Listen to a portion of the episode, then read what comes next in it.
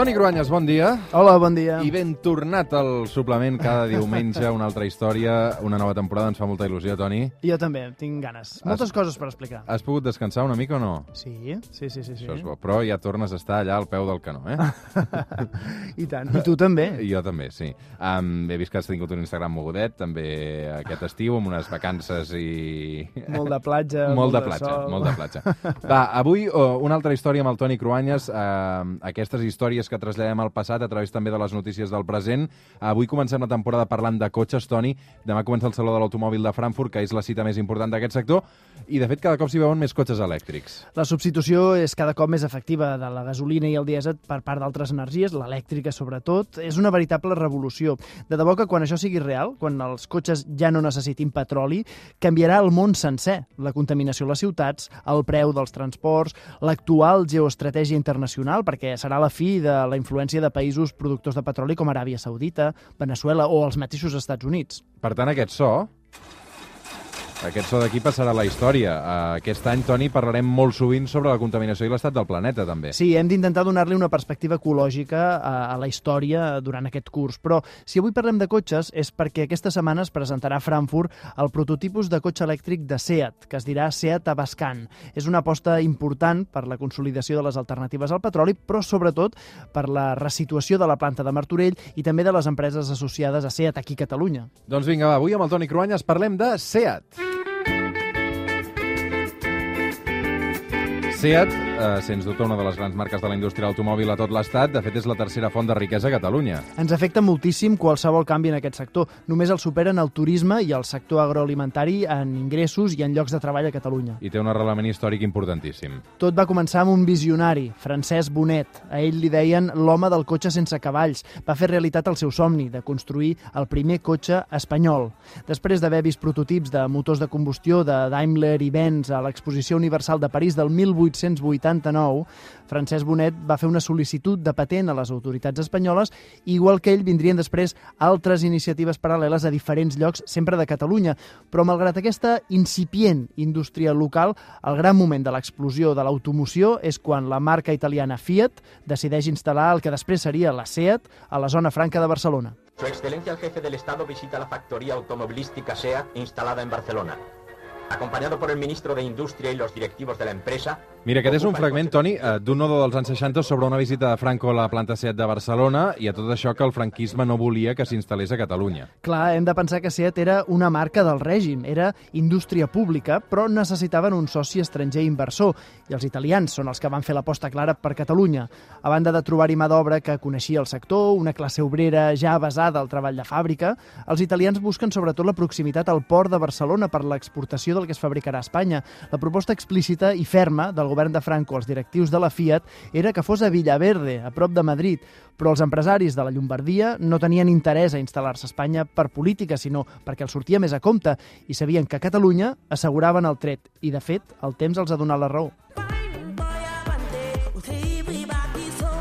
A tot això, Toni, SEAT és l'acrònim de Societat Espanyola de i Turismos. Sí, però els treballadors, com que al principi el que feien era muntar els cotxes amb les peces que arribaven de les fàbriques de Fiat d'Itàlia, deien que SEAT volia dir Siempre estaràs apretando tornillos. Un humor molt d'època, aquest, eh?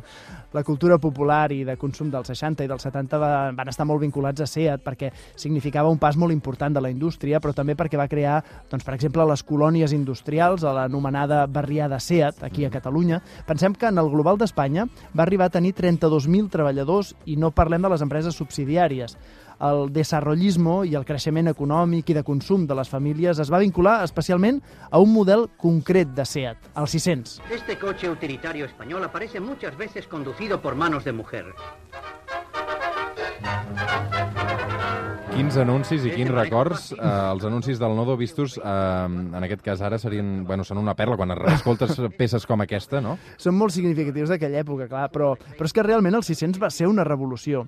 Era el cotxe que permetia que les famílies marxessin a passar un cap de setmana fora, que la dona anés a buscar els nens a l'escola, a comprar, a carregar-lo. De fet, ha marcat la nostàlgia d'aquell temps.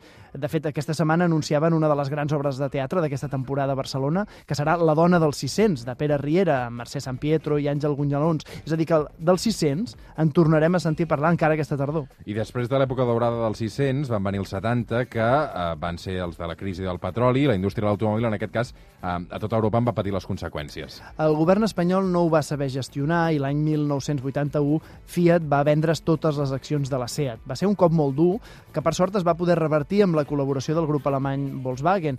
Vist en perspectiva, l'operació rubricada després ja amb Felipe González ha estat una aliança d'interessos que ha funcionat. Inicialment, Volkswagen ampliava influència al sud d'Europa, però també generava un esperit eh, més mediterrani, més fresc, un disseny allunyat de la sobrietat dels cotxes alemanys i nòrdics. De fet, Seat va passar de ser un aliat dels italians a competir-hi directament. Van començar a fabricar cotxes amb més vinculació a aquest esperit mediterrani, espanyol, festiu. A partir dels 80 i els 90 van aparèixer models com el Ronda, el Ritmo, el Fura. Hi havia el Seat Panda, de fet encara hi és, el primer cotxe de tota una generació que ha anat evolucionant, no? O, o sigui, aquesta és de la meva generació. Si tu vas eh? tenir un Seat Panda? Jo no, però els meus amics, a la colla dels meus amics, quan ens traiem el carnet de conduir als 18 anys, tot eren pandes. Mm. Van aparèixer cotxes amb noms de ciutat, també. Nuevo Málaga GLX. Por dentro, lujo. Seat Màlaga, el Córdoba, el Toledo, el León, que encara es fabrica, de fet. I el Seat Ibiza, que aquest any ha fet 35 anys. I el primer nom de cotxe en ciutat catalana ha estat el Seat Tàrraco. Va sortir al mercat fa un any. És un model de tot camí, que se'n diu. És a dir, que s'allunya dels models que volien donar sensació de diversió i disseny, això que dèiem abans. Mhm. De fet, ara Seat està immersa en la transició cap a models híbrids i elèctrics, com de fet tota la indústria del cotxe. I ara surt aquest altre nom català, aquest Tabascan. És un poblet de la vall de Cardós, al Pallars Sobirà, i viuen un centenar de persones, eh, només. Seria un poble candidat al programa del Foraster, del Quim Masferrer. Sí, el convidem. Però, en canvi, serà l'aposta per un model que vol exportar-se, que vol ser la gran aposta tecnològica, tindrà un sistema de propulsió 100% elèctric. Antoni Canyís, que és de l'equip de TV3, que ara va a Frankfurt aquests dies, m'explicava que el model Tabascan és una aposta molt ambiciosa. No us perdeu les cròniques des de Frankfurt aquesta setmana al Telenotícies.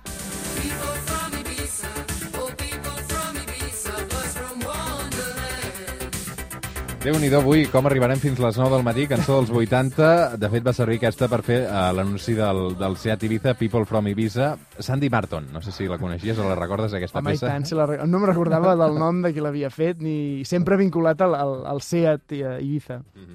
Doncs cada diumenge una temporada més amb el Cruanyes amb aquestes petites històries que ens porta. Gràcies, Toni. Bon dia.